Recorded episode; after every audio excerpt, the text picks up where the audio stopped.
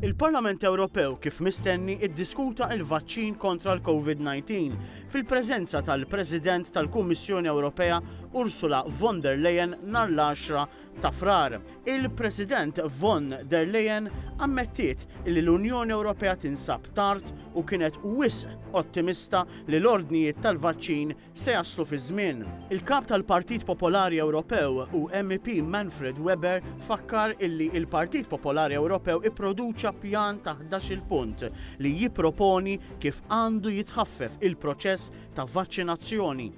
Huwa qal li mhux sew li minkejja l-għarfien tal-varjanti l-Unjoni Ewropea għad m'għandhiex pożizzjoni komuni dwar nies ġejjin mill-Afrika ta' Isfel u r-Renju Unit, kif saħaq illi huwa diżappuntanti li minkejja li qed jitlaqqmu eluf ta' nies għad ma hemmx ċertifikazzjoni komuni għall-ivvjaġġar.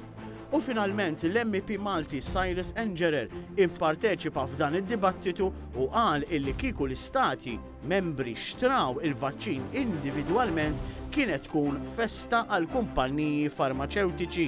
Għalhekk saħaq fuq il-bżonn ta' solidarjetà biex il-popli Ewropej iħossu li hemm xi ħadd li qed jirrappreżentahom fuq din il-kwistjoni.